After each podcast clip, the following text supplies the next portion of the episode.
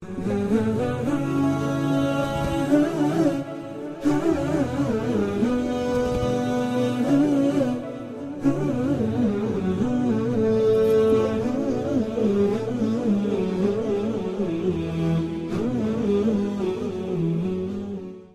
الله الرحمن الرحيم. الحمد لله رب العالمين. وصلى الله وسلم وبارك على سيدنا ونبينا محمد وعلى آله وصحبه أجمعين. اللهم علمنا ما ينفعنا وانفعنا بما علمتنا وارزقنا الإخلاص والسداد في القول والعمل. حياكم الله والاخوه الكرام والأخوات الكريمات في هذا اللقاء الأربعين بعد المئة من لقاءات التعليق على تفسير الإمام عبد الله بن عمر البيضاوي الشافعي رحمه الله تعالى. واليوم هو الأحد الثاني من شهر ربيع الثاني من عام 1440 للهجرة. وقد وصلنا إلى الآية الرابعة بعد المئة من سورة المائدة آه، وهي قول الله تعالى وإذا قيل لهم تعالوا إلى ما أنزل الله وإلى الرسول قالوا حسبنا ما وجدنا عليه آباءنا أولو كان آباؤهم لا يعلمون شيئا ولا يهتدون. فلعلك تقرأ يا أحمد من هذا المكان. بسم الله والحمد لله والصلاة والسلام على رسول الله صلى الله عليه وسلم. اللهم اغفر لنا ولشيخنا وللمسلمين أجمعين. قال الإمام البيضوي رحمه الله وإذا قيل لهم تعالوا إلى ما أنزل الله وإلى الرسول قالوا حسبنا ما وجدنا عليه آباءنا. بيان لقصور عقولهم وانهماكهم في التقليد وألا سند لهم سواه. أولو كان آباؤهم لا يعلمون شيئا ولا يهتدون الواو للحال والهمزة دخلت عليها لإنكار الفعل على هذه الحال أي أحسبهم ما وجدوا عليه آباءهم ولو كانوا جهلة ضالين والمعنى أن الاقتداء إنما يصح بمن علم أنه عالم مهتد وذلك لا يعرف إلا بالحجة فلا يكفي التقليد. نعم هذه الآية جاءت تعقيبا على ما ذكره الله سبحانه وتعالى من العادات الجاهلية الباطلة فيما يتعلق بالأنعام وغيرها في قوله ما جعل الله من بحيرة ولا سائبة ولا وصيلة ولا حام. ولكن الذين كفروا يفترون على الله الكذب وأكثرهم لا يعقلون. فجاء في هذه الآية لكي يذم التقليد الأعمى. التقليد الأعمى للآباء دون دليل. فقال الله سبحانه وتعالى وإذا قيل لهم لهؤلاء المشركين تعالوا إلى ما أنزل الله وإلى الرسول إلى ما أنزل الله من الوحي وإلى الرسول وما جاء به من الهدى قالوا حسبنا ما وجدنا عليه آباؤنا. يعني يكفينا ما وجدنا عليه آباءنا من العادات والتقاليد فكان الاستنكار عليهم لهذا الجواب. قولهم حسبنا ما وجدنا عليه آباءهم. يقول البيضاوي هنا بيان لقصور عقولهم وانهماكهم في التقليد وأن لا سند لهم سواه. يعني لا يوجد لديهم أي دليل إلا أنهم وجدوا آباءهم على هذه الحال فهم يسيرون على هذا الطريق. الله سبحانه وتعالى رد عليهم بسؤال استنكاري يستنكر عليهم هذا الجواب. فقال أولو كان آباؤهم لا يعلمون شيئا ولا يهتدون؟ وهذا هو الحال فعلا. لذلك قال هنا البيضاوي الواو للحال أولو. والهمزة دخلت عليها لإنكار الفعل على هذه الحال. أي أحسبهم؟ أيكفيهم ما, ما وجدوا عليه آباءهم ولو كانوا جهلة ضالين؟ فهذه إذن حجة الجهلة. والمعنى أن الاقتداء إنما يصح بمن علم أنه عالم مهتدي وذلك لا يعرف إلا بالحجة فلا يكفي التقليد. لذلك هذه الآية ونظائرها جاءت لتذم التقليد الأعمى غير المبني على دليل ولا على هدى ولا على بينة. نعم. والقرآن الكريم والوحي أيها الإخوة والقرآن الكريم والوحي والسنة النبوية جاءت لكي تعظم في نفوس المسلمين وفي عقولهم اتباع الحجة واتباع البرهان واتباع الدليل ولذلك تجدون هذا في القرآن الكريم كثيرا. قل هاتوا برهانكم إن كنتم صادقين فأتوا بكتاب فأتوا فأتوا بأثارة من علم ونحو ذلك كلها مطالبة بالأدلة والحجج والبراهين وعدم الانسياق وراء التقليد الأعمى. نعم. قال رحمه الله يا أيها الذين آمنوا عليكم أنفسكم أي احفظوها والزموا إصلاحها. والجار مع المجرور جعل اسما للزموا ولذلك نصب أنفسكم وقرئ بالرفع على الابتداء. لا يضركم من ضل إذا اهتديتم لا يضركم الضلال إذا لا يضركم الضلال إذا كنتم مهتدين. ومن الاهتداء أن ينكر المنكر حسب طاقته كما قال عليه الصلاة والسلام من رأى منكم منكرا واستطاع أن يغيره بيده فليغيره بيده فإن لم يستطع فبلسانه فإن لم يستطع فبقلبه. والآية نزلت لما كان المؤمنون يتحسرون على الكفرة ويتمنون إيمانهم وقيل كان الرجل إذا أسلم قالوا له سفهت آباءك فنزلت.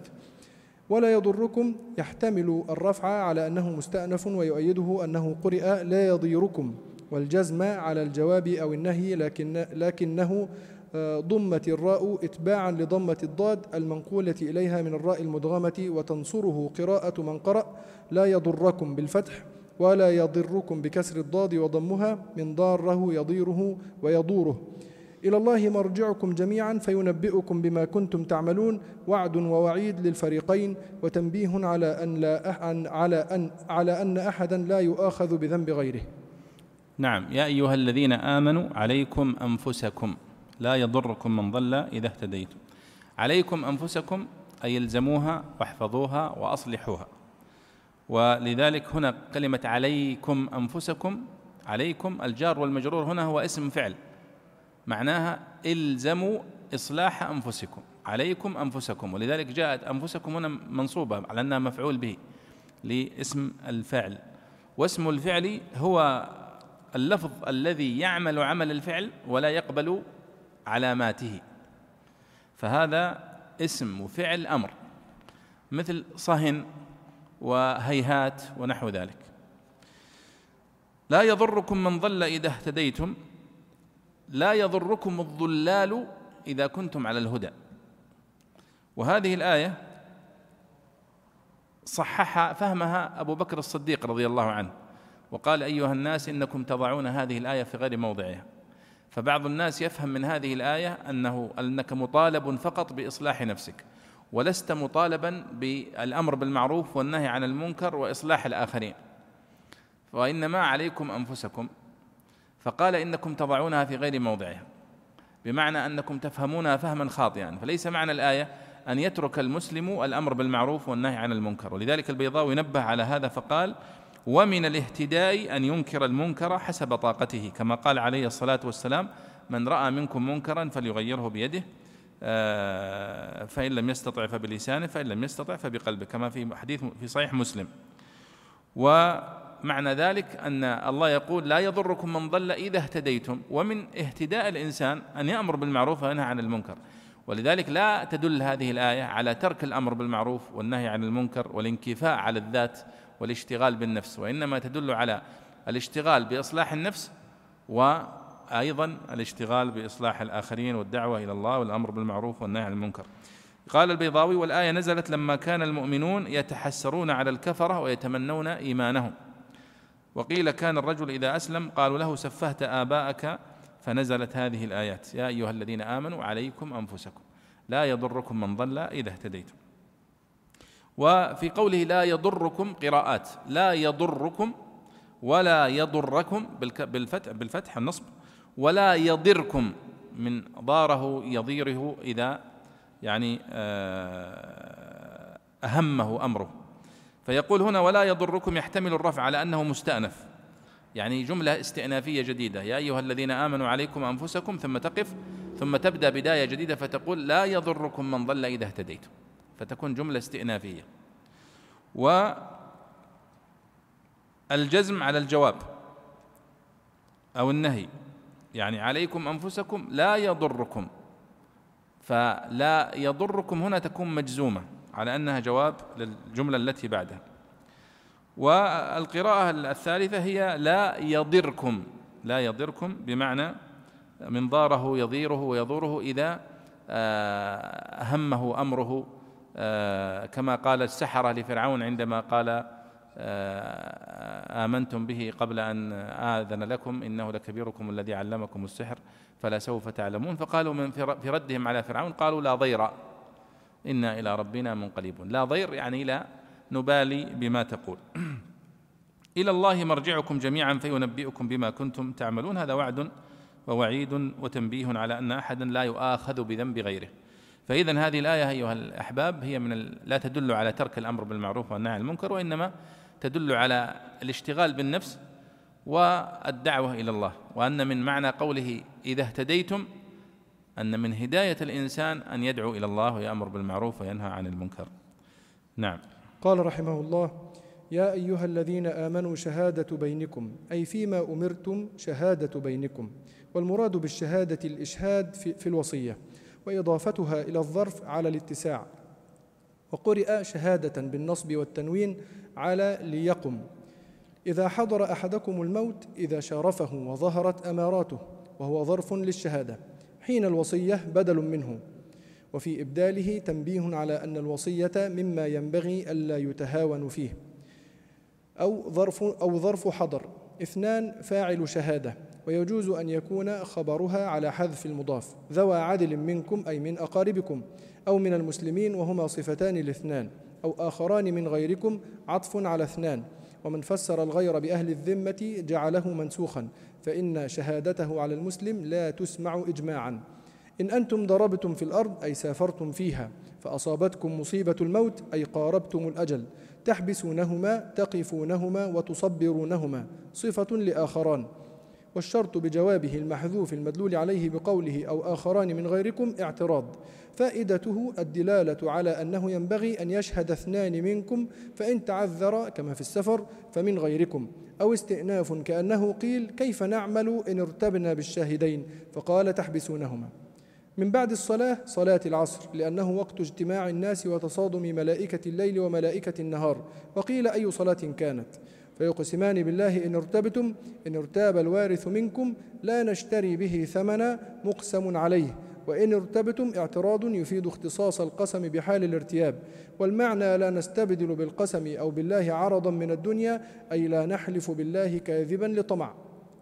ولو كان ذا قربى ولو كان المقسم له قريبا منا. وجوابه أيضا محذوف أي لا نشتري. ولا نكتم شهادة الله أي الشهادة التي أمرنا أي الشهادة التي أمرنا الله بإقامتها. وعن الشعبي أنه وقف على شهادة ثم ابتدأ الله بالمد على حذف حرف القسم وتعويض حرف الاستفهام منه. وروي عنه بغيره كقولهم الله لأفعلن. إن, إن إذا لمن الآثمين أي إن أي إن كتمنا وقرئ ل لمن اللاثمين آه. وقرئ لمن اللاثمين بحذف الهمزة وإلقاء حركتها على اللام وإدغام النون فيها. كمل لأنها مرتبطة. فإن عثر فإن اطلع على أنهما استحقا إثما أي فعل ما, ما أوجب إثما كتحريف فآخران فشاهدان آخران يقومان مقامهما من الذين استحق عليهم من الذين من الذين استحق عليهم من الذين جني عليهم وهم الورثة.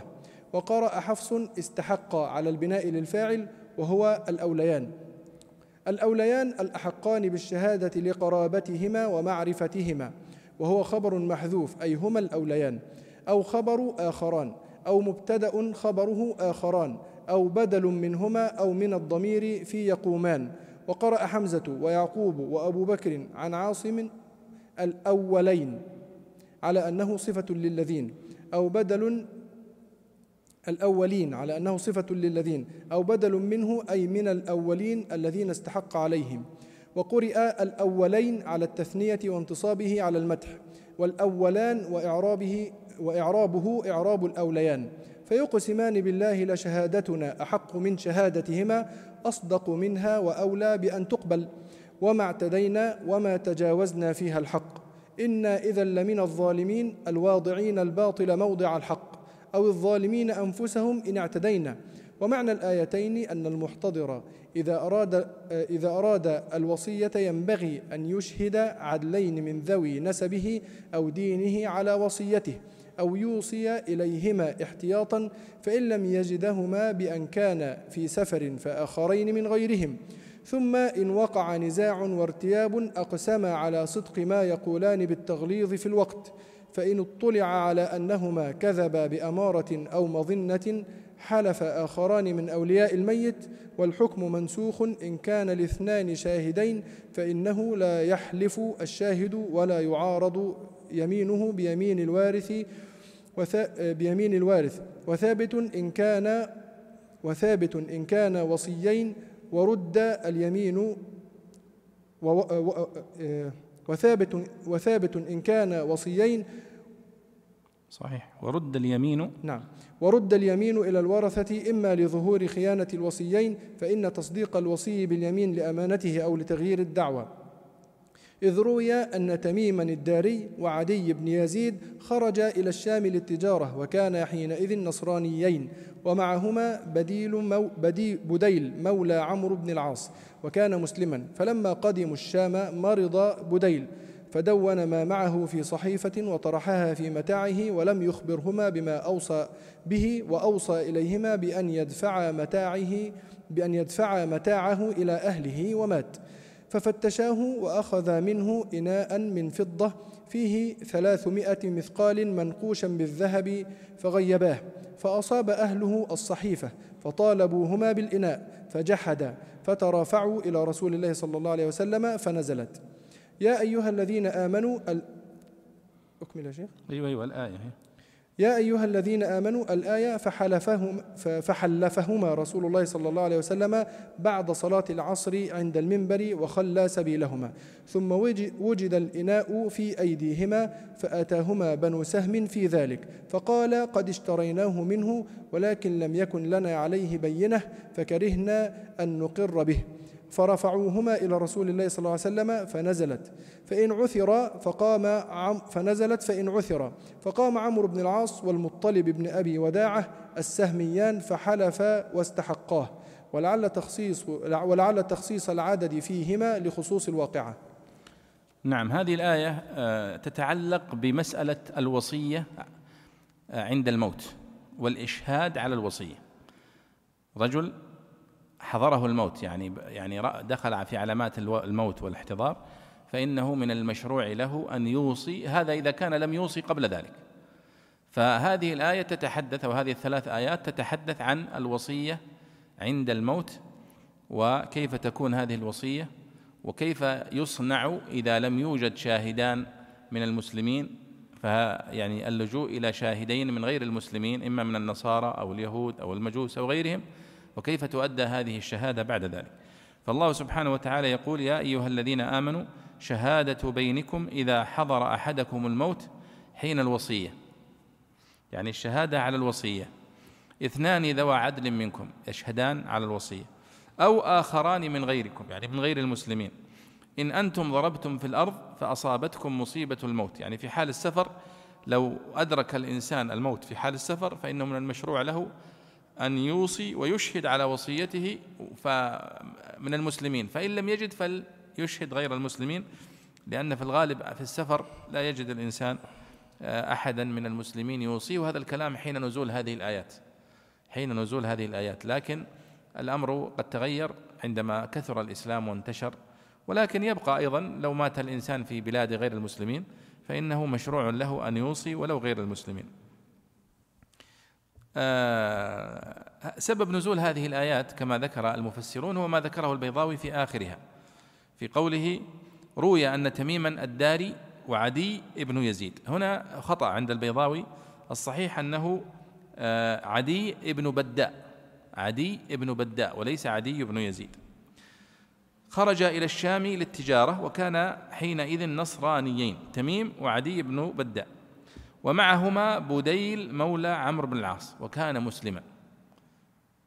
فلما قدموا الشام مرض بديل فدون ما معه في صحيفة يعني كتب قائمة بالأغراض التي كانت معه ووضعها في متاعه وقال لي آه، تميم وقال لي عدي آه، سلموا هذه الأغراض وسلموا هذه التركة لورثتي في في في مكة. وهو من بني سهم من بني سهم. هو كان مولا لعمرو بن العاص. آه، ف ولم يخبرهم بالورقة التي كتبها. وكان مسلما. فلما قدموا الشام كما قال مرض بديل وأوصى إليهما بأن يدفع متاعه إلى أهله ومات. ففتشاه وأخذ منه إناء من فضة. الذي أخذ منه أخذوا من متاعه اللي هم آه، تميم وعد وعدي ابن بدة. أخذوا من متاع آه، مولى اللي هو بوديل أخذوا منه إناء آه، من فضة فيه ثلاثمائة مثقال منقوش بالذهب. يعني واضح أنه إناء ثمين. أخذوه من متاع بديل مولى عمرو بن العاص. فأصاب أهله الصحيفة. لما أرجع تميم وصاحبه أرجعوا هذه الأغراض إلى إلى أهله فتشوها فوجدوا هذه الورقة التي كتب فيها آه، بديل الأغراض التي فيها. فوجدوا هذه من ضمن الأغراض موجود هذه هذه هذا الإناء الذي من فضة ولكن غير موجود في في التركة فقالوا لتميم ولعدي هل أخذتم هذا الإناء؟ قالوا لا. أنكرا بعد مدة تميم وبديل أو تميم وعدي باعوا هذه هذا الإناء. واضح أنه كان إناء ثمين فعرف عرف في في السوق. من أين هذا الإناء؟ قالوا هذا لنا. قالوا لا هذا لبديل مولى عمرو بن العاص. وأنتم قد أخذتموه من تركته وهو مكتوب في الورقة التي تركها في آه، فترافعوا إلى الرسول صلى الله عليه وسلم. يطالبون بالإناء اللي هو عمرو بن العاص لأنه هو مولى مولاه هذا الذي مات. عمرو بن العاص يقول آه، هذه لنا. فترافعوا إلى الرسول صلى الله عليه وسلم فنزلت هذه الآية. يا أيها الذين آمنوا شهادة بينكم إذا حضر أحدكم وذكرت آه هذه هذه الآيات. فالرسول صلى الله عليه وسلم حلفهما بعد صلاة العصر عند المنبر فحلف أنها لهم. تميم وعدي آه، بن آه، بداء فالنبي صلى الله عليه وسلم تركهم. ثم وجد الإناء في أيديهما بعد ذلك فأتاهما بنو سهم في ذلك فقال قد اشتريناه منه ولكن لم يكن لنا عليه بينة فكرهنا أن نقر به. فرفعت إلى رسول الله صلى الله عليه وسلم فنزلت هذه الآية فإن عثر على أنهما استحقا إثما واكتشفوا أنهم كانوا كاذبين في يمينهم فيؤتى باثنين من الورثة المقربين جدا من الميت. فيقسمان بخلاف ما أقسم هؤلاء. يعني هؤلاء يقسمون أن هذا الإناء لنا هؤلاء يقسمون أنه ليس لهم. فإن أقسموا فهم أولى به. ولذلك أقسم قام عمرو بن العاص والمطلب ابن أبي وداعة السهميان فحلفا واستحقا فهذه الآية هذا هو سبب نزولها والله أعلم كما يذكره المفسرون كالبيضاوي والطبري وغيرهم من المفسرين. الآية تقول يا أيها الذين آمنوا شهادة بينكم أي فيما أمرتم عند الموت وعند حضور الموت شهادة تقيمونها وتطلبونها لتوثيق هذه الوصية. شهادة بينكم. طبعا إذا كان الشخص قد كتب وصيته وأشهد عليها قبل حضور الأجل فهذا لا يشمله هذا هذا هذه الآية. وإنما هي المقصود بها من لم يوصي وحضره الأجل فإنه من المسنون والمشروع له أن يوصي وأن يشهد على وصيته. والمراد بالشهادة الإشهاد في الوصية وإضافتها إلى الظرف على الاتساع كما يقول شهادة بينكم فأضيفت على سبيل الاتساع والتوسع في الإضافة. وقرئ شهادة بالنصب يعني يا أيها الذين آمنوا شهادة بينكم معناها ليقم أحدكم شهادة فهي مفعول به. إذا حضر أحدكم الموت معناها إذا قاربه إذا شارفه وظهرت أماراته. حين الوصية اثنان ذوى عدل منكم أو آخران من غيركم. يعني اللذان يشهدان أو يستشهدان اثنان من من المسلمين. اثنان ذوى عدل منكم. وذوي العدل هم الشروط التي يشترطها العلماء والفقهاء في الشاهد أن يكون عدلا ثقة مسلما. الشروط هذه الشروط. لكن الفقهاء العلماء يقولون إذا لم توجد هذه الصفات فإنه يكتفى بمن يتيسر لأنه لو اشترطنا شروط العدالة آه التي يذكرها الفقهاء في كثير من الناس ضاعت حقوق الناس. لأنك لن تجد من تتوفر في هذه الشروط إلا من رحم الله. يقول البيضاوي اثنان فاعل شهادة ويقصد البيضاوي أنه على تقدير فالحال أن يشهد اثنان ذوى عدل منكم فيكون اثنان هنا فاعل. ويجوز أن يكون خبرها على حذف المضاف يعني شهادة اثنان. أو آخران من غيركم عطف على إثنان. ومن فسر الغير بأهل الذمة جعله منسوخا. فإن شهادته على المسلم لا تسمع إجماعا.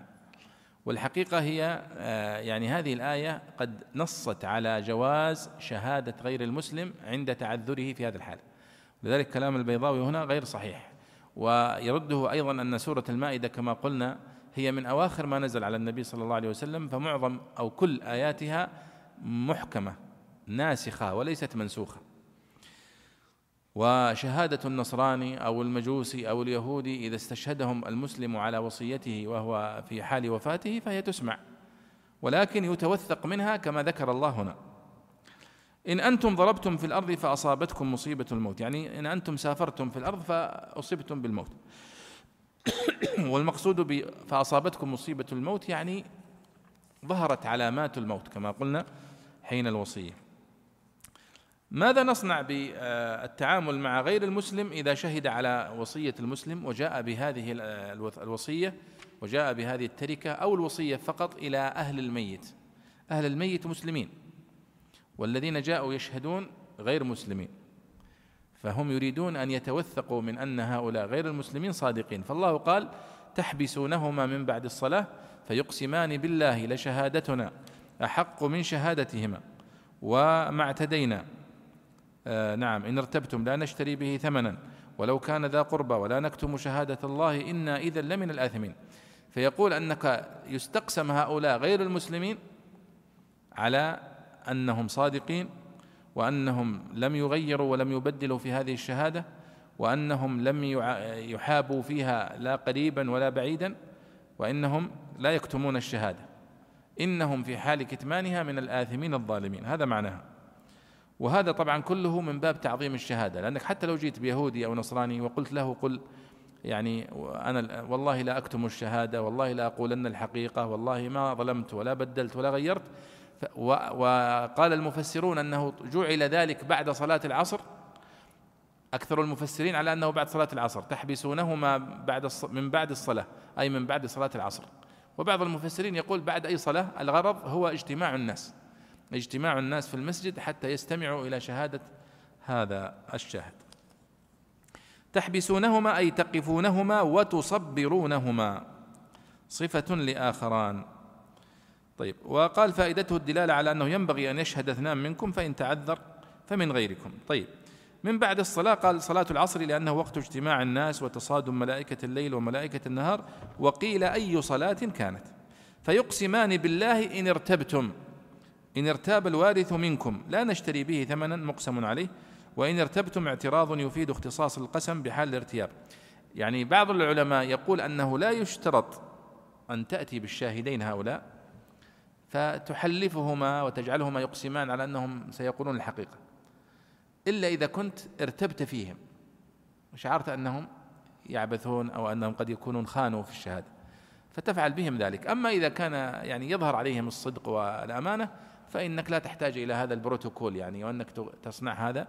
فتجلسهم من بعد صلاة العصر وتجمع الناس وتقول للناس هؤلاء قد جاءوا يشهدون على وصية أوصاها أحد أقاربي وهو فلان بن فلان فأنا أريد أن يعني يحلفوا أمامكم أنهم قد جاءوا بالوصية كما أوصى كما بلغهم وأنهم لم يزيدوا فيها ولم ينقصوا.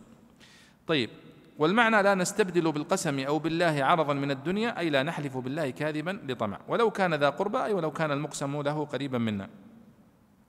ولا نكتم شهادة الله أي الشهادة التي أمرنا الله بإقامتها. وعن الشعبي أنه وقف على شهادة. يعني يذكرون في كتب التفسير أن الشعبي رحمه الله وهو عامر بن شراحيل الشعبي التابعي شهد موقفا مثل هذا.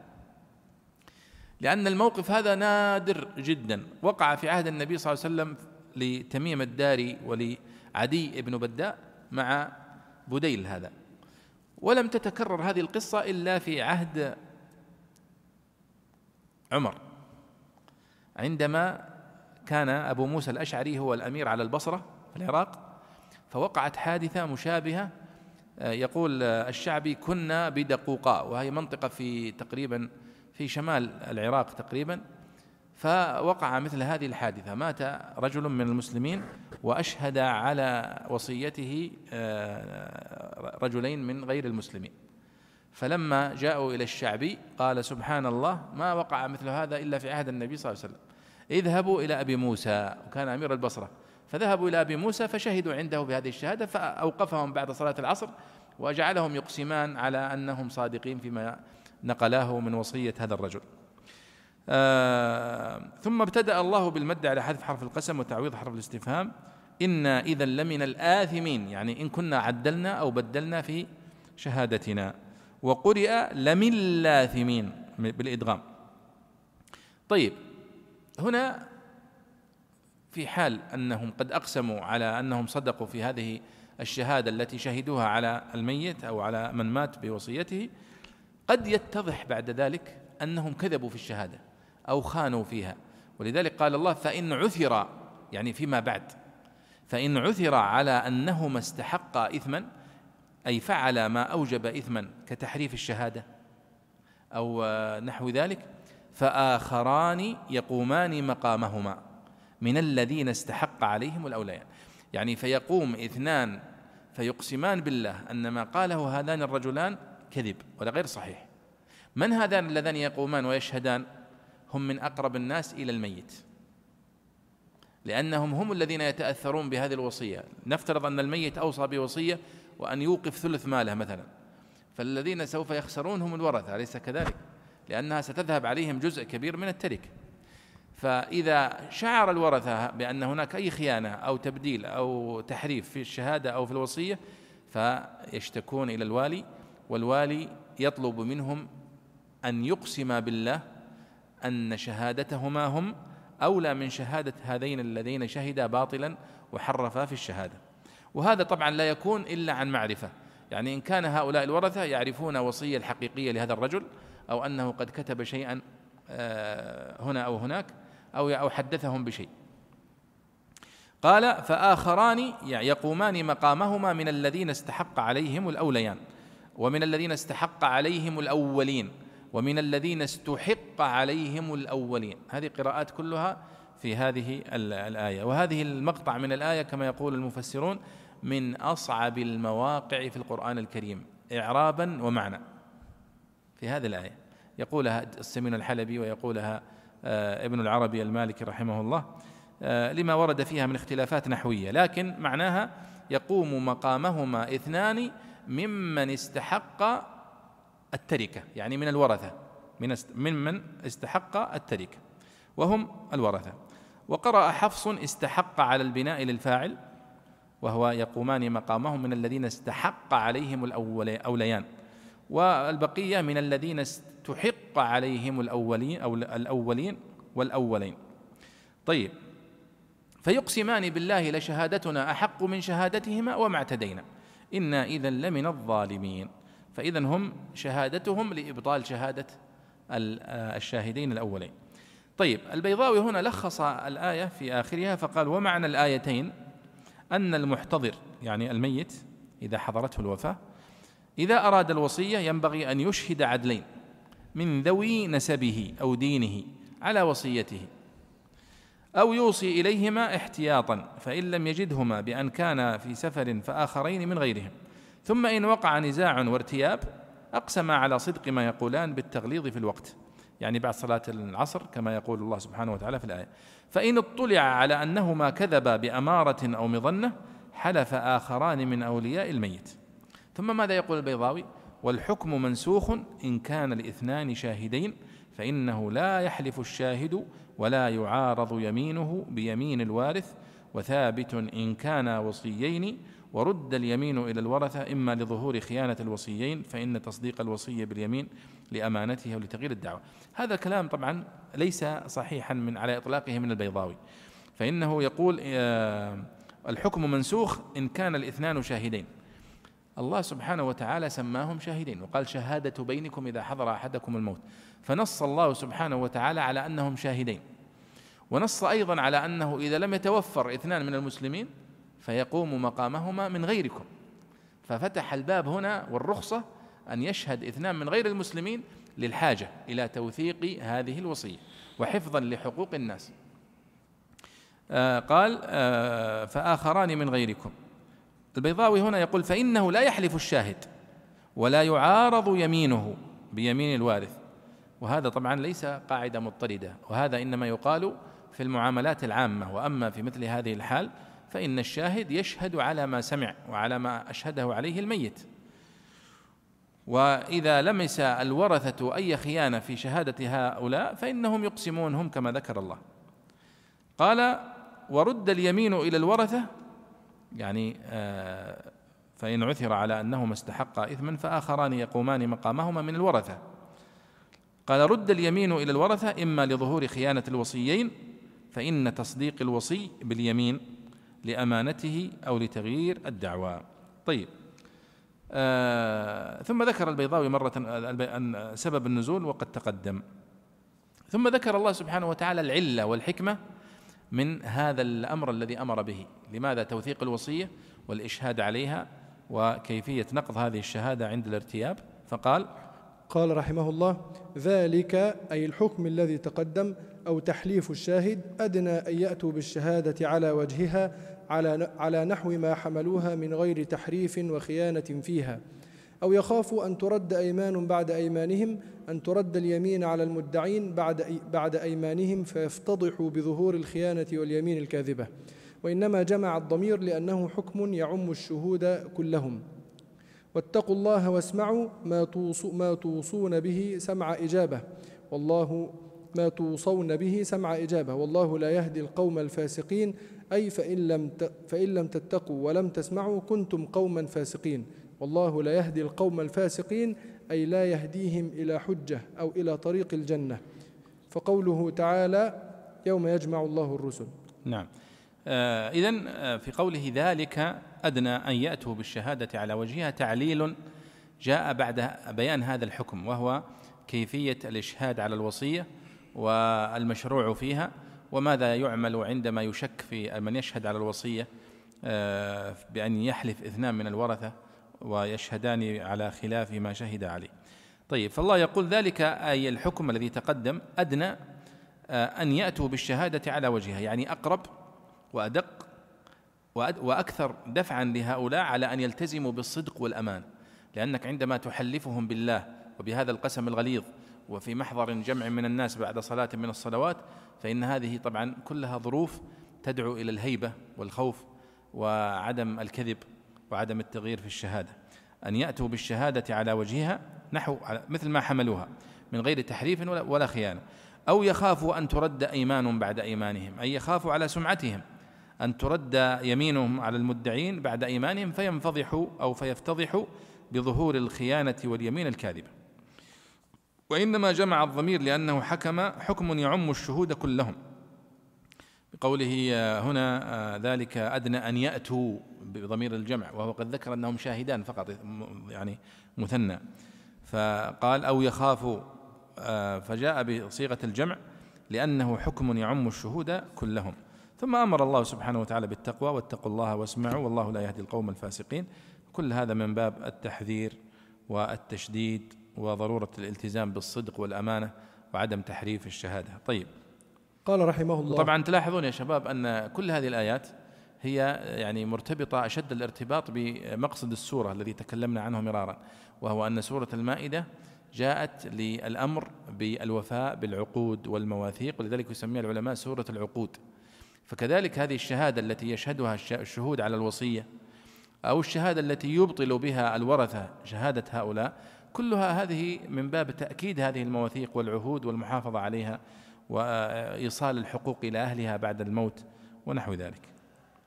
قال رحمه الله فقوله تعالى يوم يجمع الله الرسل ظرف له وقيل بدل من مفعول واتقوا بدل الاشتمال أو مفعول واسمعوا على حذف المضاف أي واسمعوا خبر يوم جمعهم.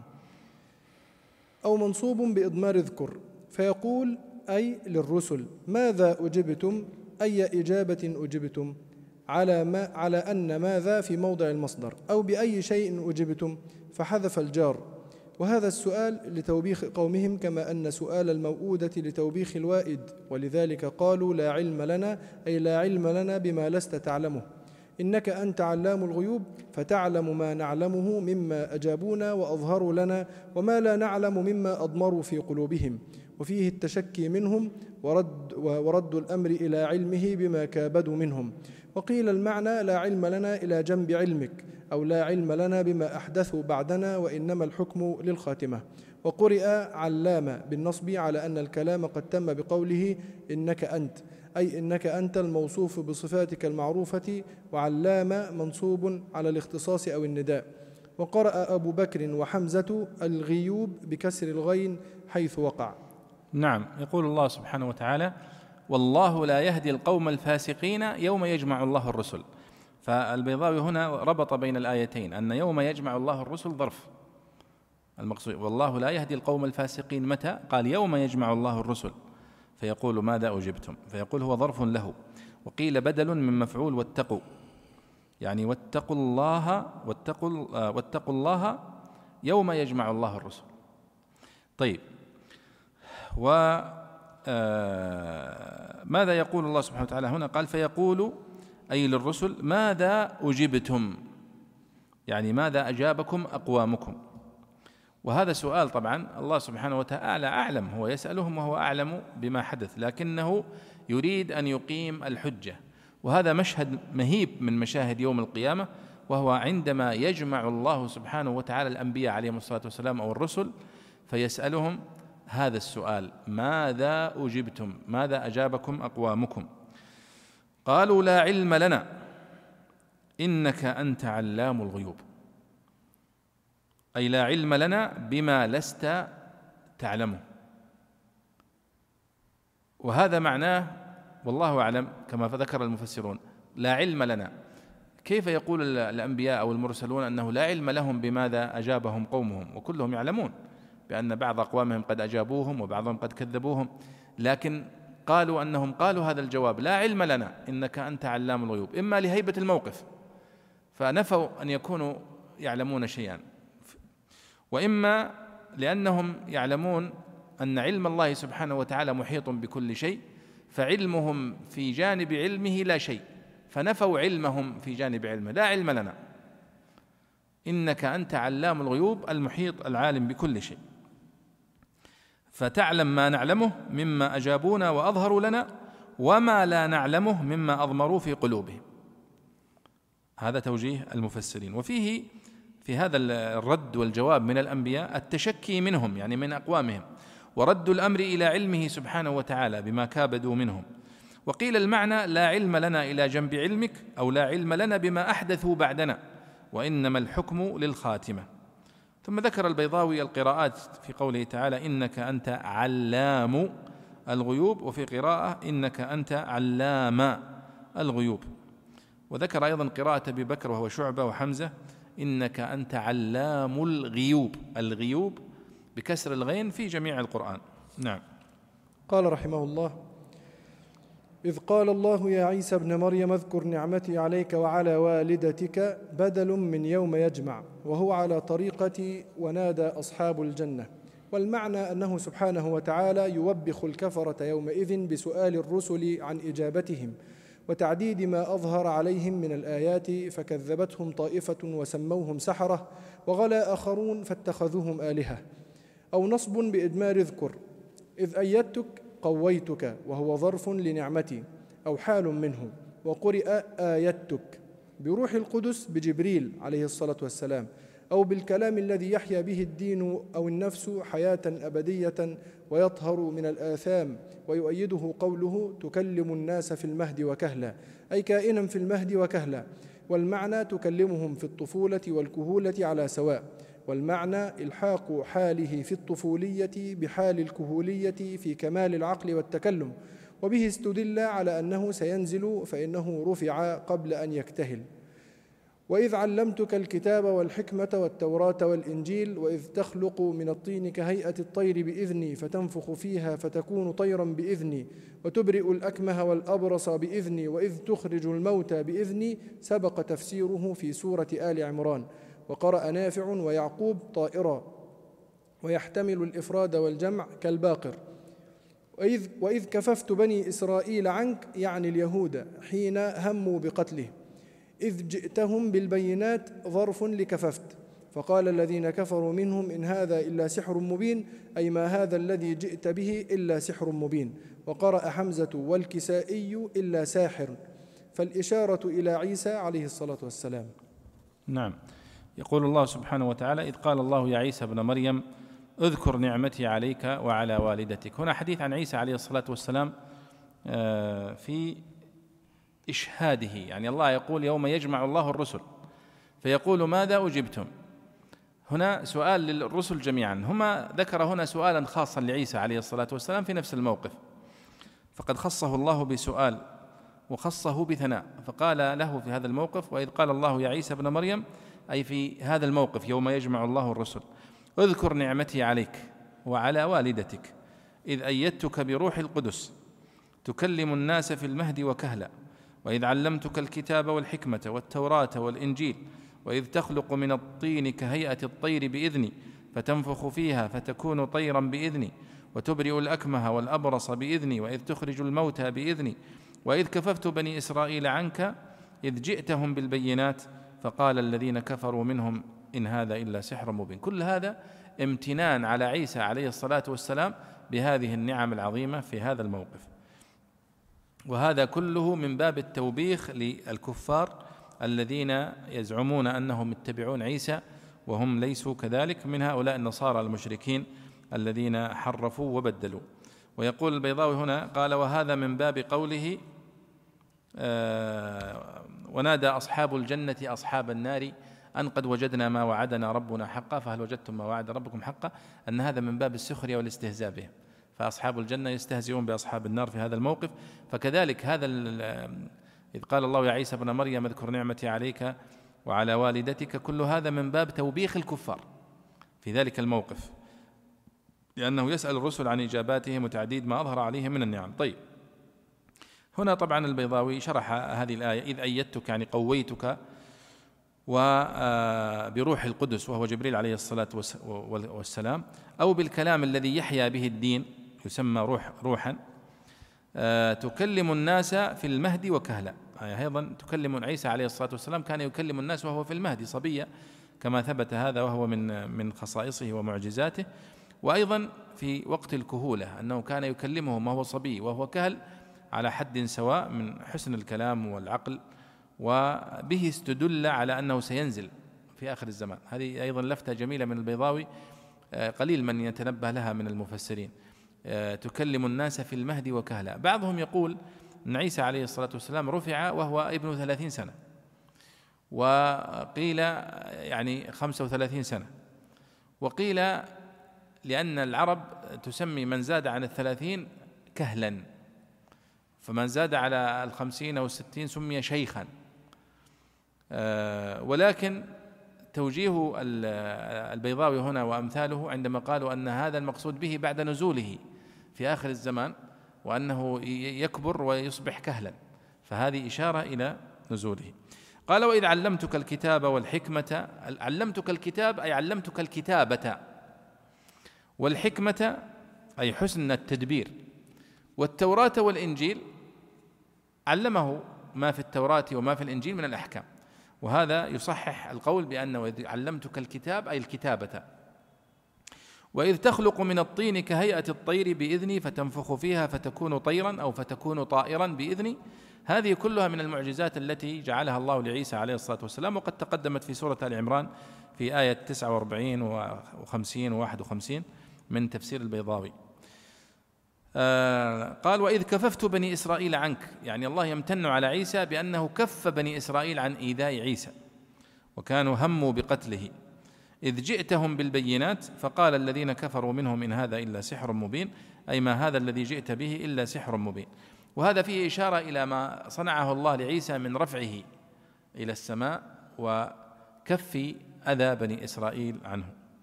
كما قال في سورة النساء وما قتلوه وما صلبوه ولكن شبه لهم. نعم. وإذا أوحيت إلى الحواريين تفضل هذه يعني مزيد من الامتنان على عيسى. قال رحمه الله وإذ أوحيت إلى الحواريين وإذ أوحيت إلى الحواريين أي أمرتهم على ألسنة رسلي أن آمنوا بي وبرسولي يجوز أن تكون أن مصدرية وأن تكون مفسرة. قالوا آمنا واشهد بأننا مسلمون مخلصون. إذ قال الحواريون يا عيسى ابن مريم منصوب بذكر أو ظرف لقالوا فيكون تنبيها على أن ادعائهم الإخلاص مع قولهم. على أن ادعاؤهم على أن ادعاءهم الإخلاص مع قولهم. هل يستطيع ربك أن ينزل علينا مائدة من السماء؟ لم يكن بعد عن تحقيق عن تحقيق واستحكام معرفة. وقيل هذه الاستطاعة على ما تقتضيه الحكمة والإرادة لا على ما تقتضيه القدرة. وقيل المعنى هل يطيع رب ربك أي هل يجيبك؟ واستطاع بمعنى أطاع كاستجاب وأجاب. وقرأ الكسائي تستطيع ربك أي سؤال ربك. والمعنى هل تسأله ذلك من غير صارف؟ والمائدة الخوان إذا كان عليه الطعام. من ماد الماء يميد إذا تحرك. أو من ماده إذا أعطاه كأنه كأنها تميد من تقدم من تقدم إليه. من ونظيرها قولهم شجرة مطعمة. قالوا قال اتقوا الله من أمثال هذا من أمثال هذا السؤال. إن كنتم مؤمنين بكمال قدرته وصحة نبوته أو صدقتم أو, صد أو صدقتم في ادعائكم الإيمان. قالوا نريد أن نأكل منها. تمهيد تمهيد عذر وبيان لما دعاهم إلى السؤال وهو أن يتمتعوا بالأكل منها. وتطمئن قلوبنا بانضمام علم المشاهدة إلى تعلم الاستدلال بكمال قدرته سبحانه وتعالى. ونعلم أن قد صدقتنا في ادعاء النبوة أو أن الله يجيب دعوتنا. ونكون عليها من الشاهدين إذا استشهدتنا أو من الشاهدين للعين دون السامعين للخبر. نعم. آه وإذا أوحيت إلى الحواريين أن آمنوا بي وبرسولي قالوا آمنا واشهد بأننا مسلمون. هذا أيضا آه خبر وامتنان من الله سبحانه وتعالى على عيسى عليه الصلاة والسلام بأنه قد جعل له خلصا من أصحابه والحواريون هم خلص الأصحاب. كان للنبي صلى الله عليه وسلم حواريين منهم الزبير بن العوام وأبو بكر الصديق رضي الله عنه وعمر وهؤلاء من حواريي النبي صلى الله عليه وسلم أي أصحابه وخلص أصحابه المقربين. فعيسى عليه الصلاة والسلام كان له أيضا خلاصة أو خلص من أصحابه هم الحواريون. قيل سموا حواريين إما مأخوذ من البياض لأنهم كانوا آه، يعني بيض الوجوه أو لأنهم من حار آه، بمعنى يعني خلص آه، إذا خلص الشيء قيل له ذلك وكلها يبدو والله أعلم أنها صحيحة في سر تسميتهم أو وصفهم بالحواريين. ماذا قال؟ وإذا أوحيت يعني يعني أمرتهم على ألسنة رسلي. أن آمنوا بي وبرسولي. عيسى عليه الصلاة والسلام قالوا آمنا واشهد بأننا مسلمون. فهم قد آمنوا وانقادوا وكانوا خير مستجيب لدعوة عيسى عليه الصلاة والسلام. إذ قال الحواريون يا عيسى ابن مريم ثم ذكر الله سبحانه وتعالى أن هؤلاء الحواريين في موقف من المواقف قالوا لعيسى عليه الصلاة والسلام هذه المقولة. قالوا لعيسى يا عيسى ابن مريم هل يستطيع ربك أن ينزل علينا مائدة من السماء؟ قال اتقوا الله إن كنتم مؤمنين. يعني وهذا سؤال بنو إسرائيل لديهم أسئلة غريبة. فقد سألوا موسى أن يريهم الله جهرة وسألوه أن يرفع الجبل وسألوه أن أسئلة فيها نوع من التعجيز وفيها نوع من سوء الأدب. هذا السؤال من الحواريين آه، يحتمل أن يكون شكا منهم ويريدون التحقق وهذا الذي رجحه الإمام الطبري وغيره من المفسرين. ويحتمل أن يكون من باب الطمأنينة كما قال الله عن إبراهيم عليه الصلاة والسلام وإذ قال إبراهيم رب أرني كيف تحيي الموتى؟ قال أولم تؤمن؟ قال بلى ولكن ليطمئن قلبي. فأجابه الله إلى إلى سؤاله. قال فخذ أربعة من الطير فصرهن إليك. فيبدو والله أعلم أن هذا هو مقصد هؤلاء من سؤالهم لأنهم قالوا عندما قال لهم عيسى منكرا عليهم اتقوا الله إن كنتم مؤمنين. كيف تسألون هذا السؤال؟ ولماذا هذا السؤال؟ هل يستطيع ربك أن ينزل علينا مائدة من السماء؟ وفي قراءة الكسائي هل تستطيع ربك يعني هل تجرؤ وتستطيع يا عيسى أنك تسأل ربك هذا السؤال أن ينزل علينا مائدة من السماء؟ أو هل يستطيع ربك ليس معناها هل يستطيع ربك أنهم يشكون في قدرة الله وإنما قال هل يطيع ربك هل يجيبك؟ لو سألت هذا السؤال. آه والمائدة كما يعني هي في اللغة المائدة هي الخوان. إذا كان عليه طعام. قيل له مائدة. والخوان هو الذي نسميه اليوم السفرة. السفرة التي تفرش للطعام. السفرة يقال لها خوان. فإذا كان عليه طعام سميت مائدة. فهم يريدون مائدة ولم يحددوا بالضبط نوع الطعام. وإنما يريدون مائدة تنزل من السماء بحيث تكون فيها ميزة لهم وفيها اختصاص. وفيها تكريم. ولذلك لما قال لهم اتقوا الله إن كنتم مؤمنين قالوا نريد أن نأكل منها. يعني سبب السؤال ليس الشك في قدرة الله حاشا وكلا ولكن نريد أن نأكل منها. فيكون هذه خصوصية لنا. نحن الحواريون أننا أكلنا من مائدة أنزلها الله من السماء. نريد أن نأكل منها وتطمئن قلوبنا. كما قال إبراهيم نفس الحكمة. أن إبراهيم يقول أريد ولكن ليطمئن قلبي. هم أيضا يريدون أن تطمئن قلوبهم. ونعلم أن قد صدقتنا يعني ونتأكد. وهم يعلمون أنه صادق لكنهم يريدون أن يتيقنوا أكثر. لأن العلم كما تعلمون يزيد وينقص. كالإيمان يزيد وينقص وهكذا. ونكون عليها من الشاهدين. نشهد على هذه المعجزة العظيمة التي حصلت. فلما رأى عيسى عليه الصلاة والسلام أنهم جادين وأنهم آه، سألوا هذا السؤال بسبب وجيه. آه، قال عيسى بن مريم اللهم ربنا أنزل علينا مائدة من السماء تكون لنا عيدا لأولنا وآخرنا وآية منك وارزقنا وأنت خير الرازقين.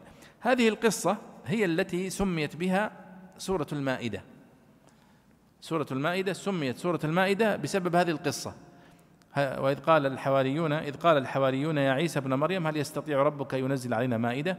ثم تكررت كلمة المائدة في هذه القصة. هنا قال عيسى ابن مريم لما رأى أن لهم غرضا صحيحا في ذلك أو أنهم لا يقلعون عنه فأراد إلزامهم الحجة بكمالها. اللهم ربنا أنزل علينا مائدة من السماء. تكون لنا عيدا يعني يكون يوم نزولها عيدا لنا نعظمه. وقيل العيد هو السرور العائد ولذلك سمي يوم العيد عيدا. لأولنا وآخرنا يعني لأولنا نحن أمة عيسى عليه الصلاة والسلام وآخرنا. وروي أنها نزلت يوم الأحد فذلك اتخذه النصارى عيدا. وقيل يأكل منها أولنا وآخرنا. وآية منك وارزقنا وأنت خير الرازقين. هنا هذه القصة أيها الإخوة. اختلف المفسرون هل نزلت هذه المائدة أو لم تنزل. على ثلاثة أقوال. القول الأول وهو قول جمهور المفسرين أنها نزلت. فعلا. وأنها نزلت يوم الأحد. وأنهم أكلوا منها. وفي الروايات بعض الروايات الإسرائيلية أنها فيها وصف للطعام الذي كان عليها وهل هي من طعام أهل الجنة أو من ثمار أهل الجنة أو غير ذلك وهذه كلها تفاصيل ليس عليها دليل. لكن قول جمهور المفسرين أنها نزلت. والقول الثاني أنها لم تنزل وهو قول مجاهد والحسن البصري وقالوا أنهم لما قال الله سبحانه وتعالى إني منزلها عليكم فمن يكفر بعد منكم فإني أعذبه عذابا لا أعذبه أحدا من العالمين قالوا استعفوا من نزولها فلم تنزل. قال الله إني منزلها عليكم. هذا دليل كثير من المفسرين على نزولها. فمن يكفر بعد منكم فإني أعذبه عذابا لا أعذبه أحدا من العالمين. وهذا وعيد. وقيل أن المقصود لا أعذبه أحدا من العالمين أي من عالمي زمانهم. أو العالمين مطلقا. ولذلك ورد في بعض الروايات أن الذين كفروا بعد نزول هذه الآية مسخهم الله قردة وخنازير ولم يعذب بذلك أو بمثل ذلك غيرهم لأنه توعد سبحانه وتعالى.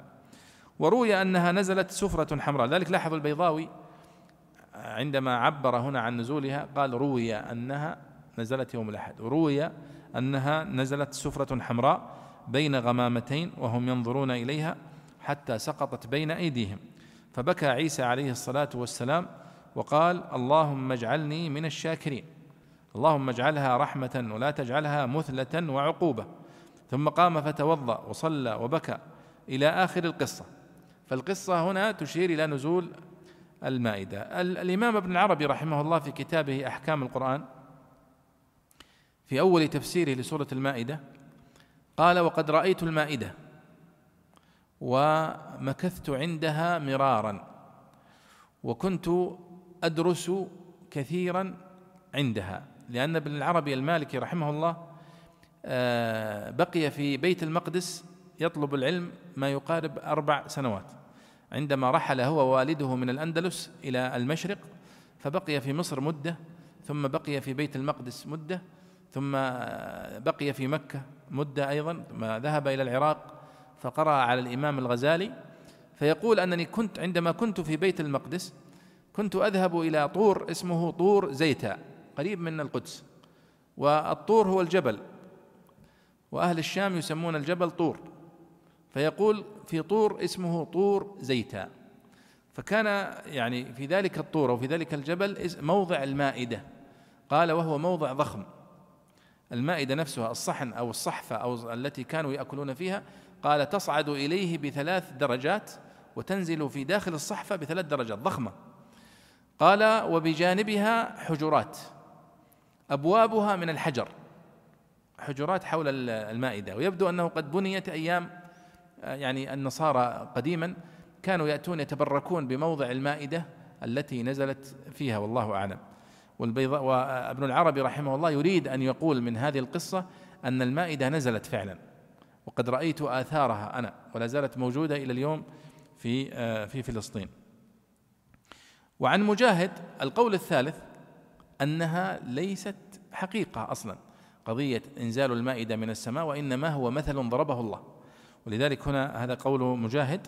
وعن مجاهد وهو مجاهد بن جبر تلميذ ابن عباس أن هذا مثل ضربه الله لمقترحي المعجزات. الذين يطلبون المعجزات ثم إذا نزلت عليهم فإنهم يكفرون بها. فيقول هذا مثل ضربه الله. وهذا طبعا غير صحيح لأن الآية صريحة في أن بني إسرائيل يطلبون مائدة حقيقية يطلبون مائدة حقيقية وأن عيسى قد دعا ربه أن ينزل مائدة حقيقية. فقول مجاهد هنا ليس له حظ من النظر ومثله مجاهد رحمه الله له قول مثل ذلك في مسخ بني إسرائيل قردة وخنازير في قصة أصحاب آه، السبت. الله سبحانه وتعالى عندما ذكر أصحاب السبت وذكر أنهم آه، يعني خانوا وخالفوا أمر الله فأصبحوا يصطادون يوم يضعون الشباك يوم الجمعة ويأخذونها يوم الأحد. وتأتي السبت الأسماك. فمسخوا قردة وخنازير فقال مجاهد أنهم لم ينسخوا قردة وخنازير حقيقيين وإنما هو مثل وتشبيه. وهذا أيضا قول رده عليه السلف رحمهم الله تعالى. إذا قول مجاهد أيها الأحباب قول آه، ضعيف في هذه الآية وأن هذا مثل ضربه الله وإنما هو حقيقة وخبر أخبر الله سبحانه وتعالى عنه والتفسير الصحيح له هو ما ذكره جمهور المفسرين من نزول هذه المائدة. والقول الآخر أنها لم تنزل بعد أن هددهم الله سبحانه وتعالى فاستعفوا من نزول هذه المائدة. آه اللطيف أن هذه القصة لم تذكر في الإنجيل. ولم يعرفها النصارى إلا عن طريق القرآن. ولذلك لما ناظر أبو بكر الباقلاني أحد زعماء النصارى قال النصراني أو القسيس أنتم تزعمون أن القمر انشق لنبيكم اقتربت الساعة وانشق القمر. ولم يشاهد أحد هذا الانشقاق وهو القمر يعني مشترك بين الناس كلهم. لم يشهد أحد من الغرب ولا من الشرق ولا من الفرس ولا من الصين ولا أنهم قد رأوا القمر وقد انشق. وأنتم تزعمون أن القمر قد انشق إلى شقين وأنكم قد رأيتموه في مكة نصفه آه، يعني بين جبلي أبو قبيس ونصفه على اليمين ونصفه على اليسار. فقال له أبو بكر الباقلاني أن ألستم تقولون أن قد نزلت على عيسى مائدة؟ قال نعم. قال أين هذا في كتابكم؟ فسكت. قال من يشهد على ذلك؟ فسكت. فقال هذه المعجزة نحن نؤمن بها فعلا أنه قد نزلت عليه مائدة ولا وإن لم تكن موجودة في كتابكم ولم يشهد بها أحد منكم. فكذلك انشقاق القمر موجود عندنا في كتابنا والمائدة موجودة عندنا في كتابنا وأنتم تؤمنون بها وليست موجودة عندكم في كتابكم. فسكت. فإذا هذه القصة فعلا هي مما يعني قيل أن القرآن الكريم انفرد بذكرها وأنها لم تكن موجودة في الإنجيل وليس لها أي ذكر. ولذلك كثير من النصارى ينكرون هذه القصة جملة وتفصيلا ويثبتها بعضهم ويذكرونها. هنا ذكر البيضاوي في آخر كلامه تفسير الصوفية لهذه الآيات. وهذا حتى تشوفوا تفسير الصوفية يا شباب ومخالفته للآية. قال وعن الصوفية المائدة ها هنا عبارة عن حقائق المعارف فإنها غذاء الروح كما أن الأطعمة غذاء البدن. وعلى هذا فلعل الحال أنهم رغبوا في حقائق لم يستعدوا للوقوف عليها أي الحواريين. فقال لهم عيسى عليه الصلاة والسلام إن حصلتم الإيمان فاستعملوا التقوى حتى تتمكنوا من الاطلاع على هذه الحقائق من الاطلاع عليها. فلم يقلعوا عن السؤال وألحوا عليه وألحوا فيه فسأل لأجل اقتراحهم. فبين الله سبحانه وتعالى أن إنزاله سهل ولكن فيه خطر وخوف عاقبة. فإن السالك السالك يعني الصوفي أو المؤمن أو فإن السالك إذا انكشف له ما هو أعلى من مقامه لعله لا يحتمله ولا يستقر له فيضل به ضلالا بعيدا. طبعا هذا التفسير الصوفي الإشاري آه، تفسير مبني على منهجية الصوفية في الإشاريات. فهم يرون هنا أن هم طبعا ليس إذا كانوا هؤلاء الصوفية يردون تفسير الآية الذي فسرها به المفسرون من السلف وغيرهم فنقول تفسيركم باطل هذا لا شك فيه. لكن هم لا يقولون ذلك يقولون التفسير الذي ذكره السلف صحيح. ليس عندنا اعتراض عليه. ولكن نحن لدينا أيضا إضافة وهو أننا نرى أن هذه القصة وهذه الآيات تشير إلى معنى آخر وهو أن الصوفي ينبغي عليه أن يتدرج في مدارج العبادة والا يطلب مرتبة قبل أن يصل إليها لأنه ربما إذا أعطي شيء من هذه المرتبة العالية التي لم يصل إليها فإنه لا يستطيع أن يقوم بواجبها فيهلك. هذا هو مقصودهم طبعا. وهذا طبعا هو ما يسمى بالتفسير الإشاري وخلاصته أنه إذا كان لا يرد ولا يبطل ولا يتعارض مع التفسير الصحيح الظاهر فإنه ينظر فيه وله تفاصيل طبعا. نعم تفضل يا أحمد. قال رحمه الله وإذ قال الله يا عيسى ابن مريم أأنت قلت للناس اتخذوني وأمي إلهين من دون الله؟ يريد به توبيخ الكفرة وتبكيتهم ومن دون الله صفة, صفة لإلهين. أو صلة اتخذوني. ومعنى دون إما المغايرة فيكون فيه تنبيه على أن عبادة الله سبحانه وتعالى مع عبادة غيره كلا عبادة كلا عبادة فمن عبده مع عبادتهما كأنه عبدهما ولم يعبده. أو للقصور فإنهم لم يعتقدوا أنهما مستقلان باستحقاق العبادة وإنما زعموا أن عبادتهما توصل إلى عبادة الله سبحانه وتعالى. وكأنه قيل اتخذوني وأمي إلهين متوصلين بنا متوصلين بنا إلى الله سبحانه وتعالى. قال سبحانك أنزهك تنزيها من أن يكون لك شريك. ما يكون لي أن أقول ما ليس لي بحق ما ينبغي لي أن أقول قولا لا يحق لي أن أقوله. إن كنت قلته فقد علمته تعلم ما في نفسي ولا أعلم ما في نفسك. تعلم ما أخفيه في نفسي كما تعلم ما أعلنه ولا أعلم ما تخفيه من معلوماتك. وقوله في نفسك للمشاكلة. وقيل المراد بالنفس الذات. إنك أنت علام الغيوب تقرير للجملتين باعتبار منطوقه ومفهومه. ما قلت لهم إلا ما أمرتني به تصريح بنفي المستفهم عنه بعد تقديم ما يدل عليه. أن يعبدوا الله ربي وربكم عطف بيان للضمير في به. أو بدل منه وليس من شرط البدل جواز طرح المبدل منه مطلقا ليلزم بقاء الموصول بلا راجع. أو خبر أو خبر مضمر أو أو مفعوله مثل وهو مثل هو أو أعني. ولا يجوز إبداله من ما أمرتني به فإن المصدر لا يكون مفعول مفعول لا يكون مفعول القول. ولا أن تكون أن مفسرة لأن الأمر مسند إلى الله سبحانه وتعالى. وهو لا يقول وهو لا يقول اعبدوا الله ربي وربكم والقول لا يفس لا يفس لا يفسر بل الجملة تحكي بعده إلا أن يؤول القول بالأمر فكأن فكأن قيل ما أمرتهم إلا بما أمرتني به أن يعبدوا الله. وكنت عليهم شهيدا ما دمت فيهم أي رقيبا عليهم أمنعهم أن يقولوا ذلك ويعتقدوه. أو مشاهدا لأحوالهم من كفر وإيمان. فلما توفيتني بالرفع إلى السماء لقوله إني متوفيك ورافعك والتوفي أخذ الشيء وافيا. والموت نوع منه. قال الله تعالى الله يتوفى الأنفس حين موتها والتي لم تمت في منامها. كنت أنت الرقيب عليهم المراقب لأحوالهم فتمنع من أردت عصمته من القول به بالإرشاد إلى الدلائل والتنبيه عليها بإرسال الرسل وإنزال الآيات. وأنت على كل شيء شهيد مطلع عليه مراقب له. نعم. لاحظوا الآيات التي آه، معنا أنه قال في أولها يوم يجمع الله الرسل فيقول ماذا أجبتم؟ فإذا هذا حوار مع الأنبياء يوم القيامة. ثم جاء بعدها قال وإذ قال الله يا عيسى ابن مريم أأنت إذ قال الله يا عيسى ابن مريم اذكر نعمتي عليك وعلى والدتك إذ أيدتك بروح القدس في يوم القيامة. ثم جاءت وإذا أوحيت إلى الحواريين أن آمنوا بي وبرسولي في الدنيا ولكنها متصلة بقصة عيسى. ثم يعود الآن فيقول وإذ قال الله يا عيسى ابن مريم أنت قلت للناس اتخذوني وأمي إلهين من دون الله في يوم القيامة؟ لاحظوا كيف نفكك يعني هذه الآيات مع أنها مع بعض فنقول هذه في الدنيا وهذه في ذلك المشهد يوم القيامة. هنا يريد الله سبحانه وتعالى أن يقيم الحجة على النصارى الذين يدعون أنهم اتبعوا عيسى. فيسأل عيسى عليه الصلاة والسلام يوم القيامة أمام الأنبياء جميعا وأمام الأمم. وإذ قال الله يا عيسى ابن مريم أأنت قلت للناس اتخذوني وأمي إلهين من دون الله؟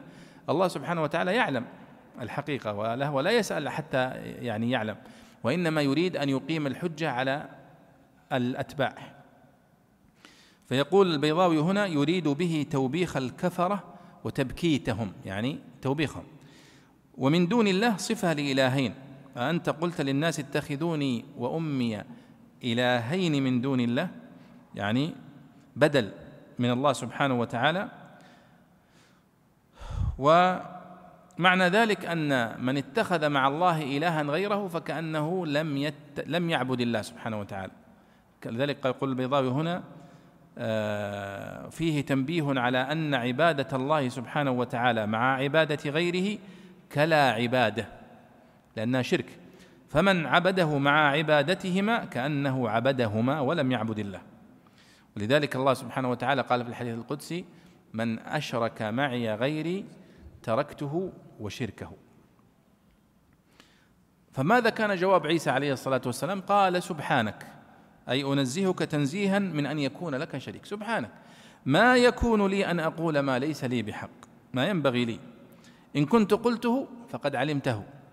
تعلم ما في نفسي ولا أعلم ما في نفسك. تعلم ما أخفيه في نفسي كما تعلم ما أعلنه ولا أعلم ما تخفيه في نفسك. البيضاوي هنا يقول ولا تعلم ولا أعلم ما تخفيه من معلوماتك. وقوله في نفسك للمشاكلة. والصحيح أن الله سبحانه وتعالى قد ذكر نفسه فقال ويحذركم الله نفسه صح؟ وقال هنا تعلم ما في نفسي ولا أعلم ما في نفسك وأيضا آه، ثبت هذا في الحديث الصحيح. وفسرها العلماء من أهل السنة بأن نفس الله سبحانه وتعالى هي ذاته المقدسة.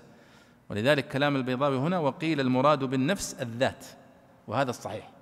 أن المقصود بالنفس الله أي ذاته المقدسة سبحانه وتعالى التي توصف بالصفات. إنك أنت علام الغيوب وتقرير للجملتين باعتبار منطوقه ومفهومه. وهذا من كلام عيسى. ما قلت لهم إلا ما أمرتني به أن يعبدوا الله ربي وربكم. فاذا عيسى عليه الصلاة والسلام كان داعية إلى التوحيد ولم يدعو إلى نفسه ولا إلى أمه ولم يقل للناس اتخذوني وأمي إلهين من دون الله كما يزعم النصارى.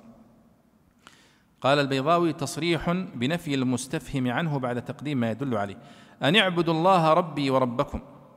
وهذا التوحيد بعينه يعني أن اعبدوا الله وحده لا شريك له فهو ربي وربكم. هذا كلام عيسى نفسه يوم القيامة. وكنت عليهم شهيدا ما دمت فيهم.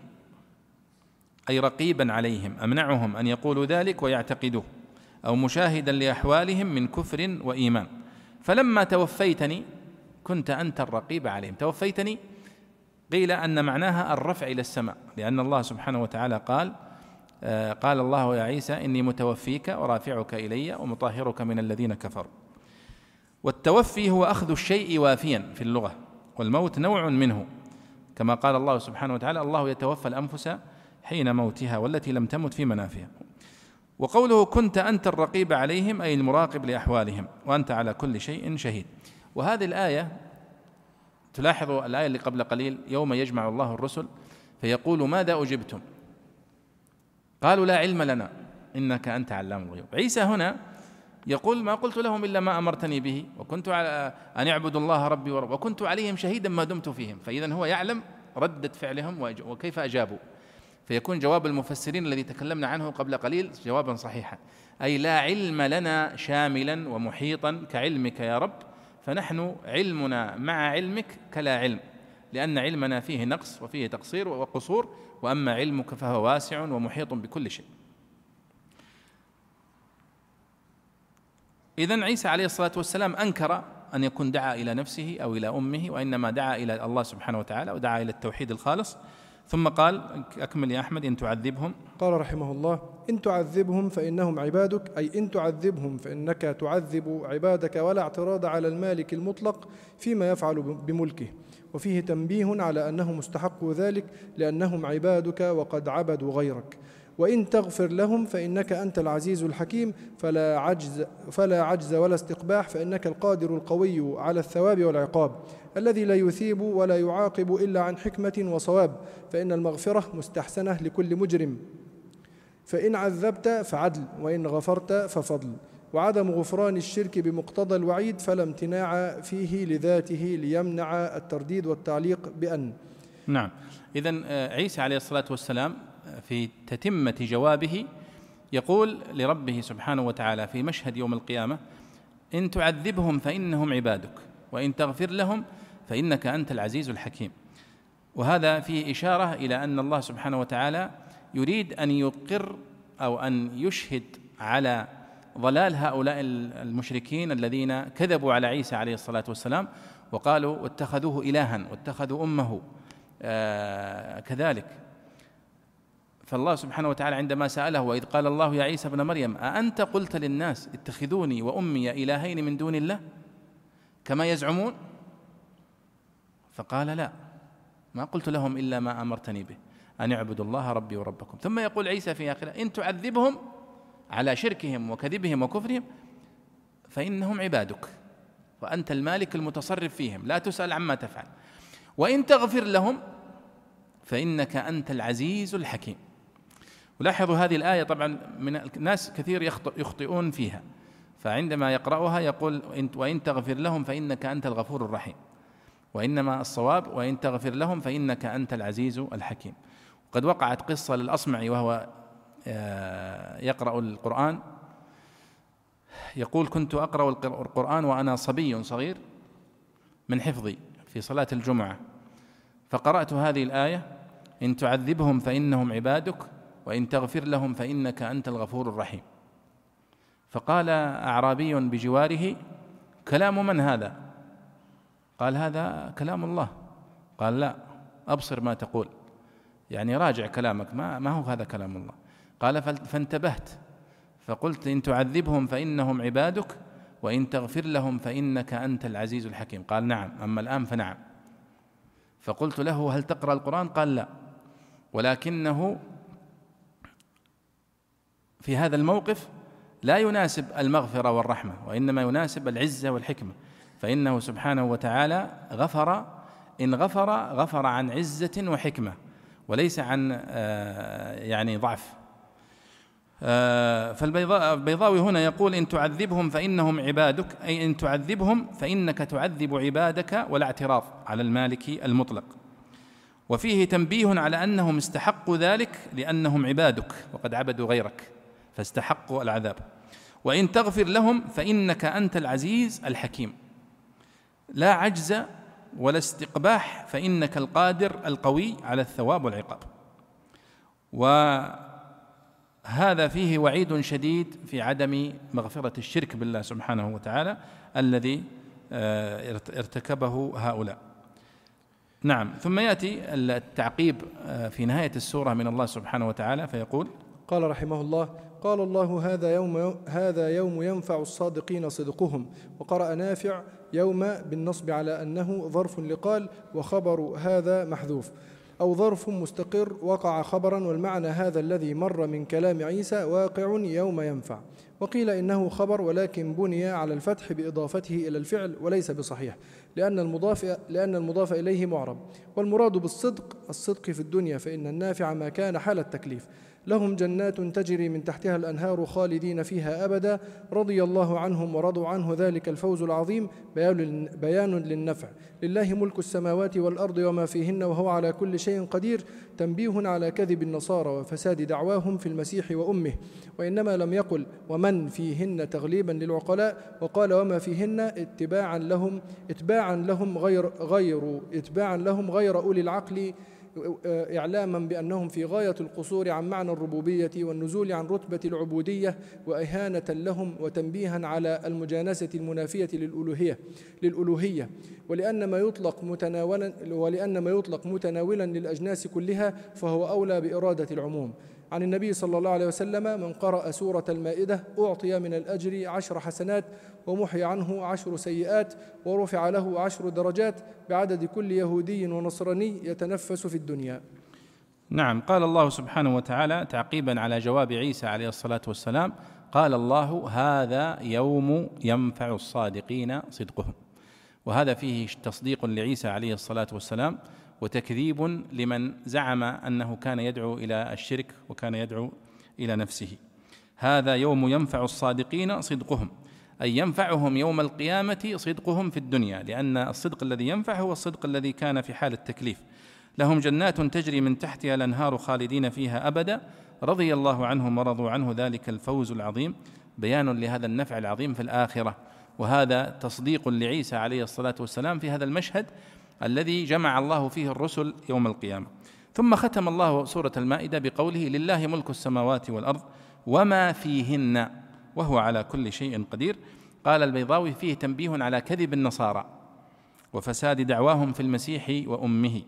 وإنما سبحانه وتعالى لم يقل لله ملك السماوات والأرض ومن فيهن. ونحن دائما نقول أن ما اسم موصول يدل على غير العاقل. ومن يدل على العاقل. والصحيح أن هذا ليس على الإطلاق فإنها قد استخدمت ما في القرآن الكريم للعاقل ولغير العاقل. لكن الغالب أنها تستخدم لغير العاقل وهو أعم فاستخدمت هنا لله ملك السماوات والأرض وما فيهن. وهذا أدل على الشمول والعموم وهو يشمل العقلاء وغير العقلاء. ثم ختم البيضاوي آه، هذه السورة كعادته طبعا في كل سورة. يختم السورة بحديث في فضل السورة. وللأسف أنها حديث موضوعة مكذوبة على النبي صلى الله عليه وسلم وقد قلد فيها الزمخشري. الزمخشري فعل ذلك وهذا من يعني الملحوظات على تفسير البيضاوي والتفسير الزمخشري وتفسير النقاش وتفسير الثعلبي الكشف والبيان أنهم أوردوا هذا الحديث الباطل الموضوع وقسموه في السور. ولاحظوا حتى ركاكة لفظ الحديث. من عن النبي صلى الله عليه وسلم من قرأ سورة المائدة أعطي من الأجر عشر حسنات ومحي عنه عشر سيئات ورفع له عشر درجات بعدد كل يهودي ونصراني يتنفس في الدنيا. يعني حتى الصيغة ركيكة لأن الذي يقرأ سورة المائدة فأجره أعظم من ذلك لأن من قرأ حرفا من كتاب الله فله به حسنة والحسنة بعشر أمثالها. لا أقول ألف لام ميم حرف فسورة المائدة 120 آية. كم فيها كلمات وحروف؟ وهذا ما ما وفق حتى في آه، يعني الكذب. فهو حديث مكذوب موضوع على النبي صلى الله عليه وسلم لا يصح ولا يجوز ذكره إلا للتنبيه على بطلانه. وبهذا نكون قد انتهينا من تفسير هذه السورة العظيمة سورة المائدة وهي سورة من أواخر ما نزل على النبي صلى الله عليه وسلم وتحدثت كثيرا عن العقود والوفاء بها وتحدثت عن كثير من عادات الجاهلية الباطلة في الطعام والشراب والأنعام وما يتعلق بها. نسأل الله سبحانه وتعالى أن يفقهنا جميعا في كتابه وأن يرزقنا حسن العمل به على الوجه الذي يرضيه سبحانه وتعالى وصلى الله وسلم على سيدنا ونبينا محمد وعلى آله وصحبه أجمعين.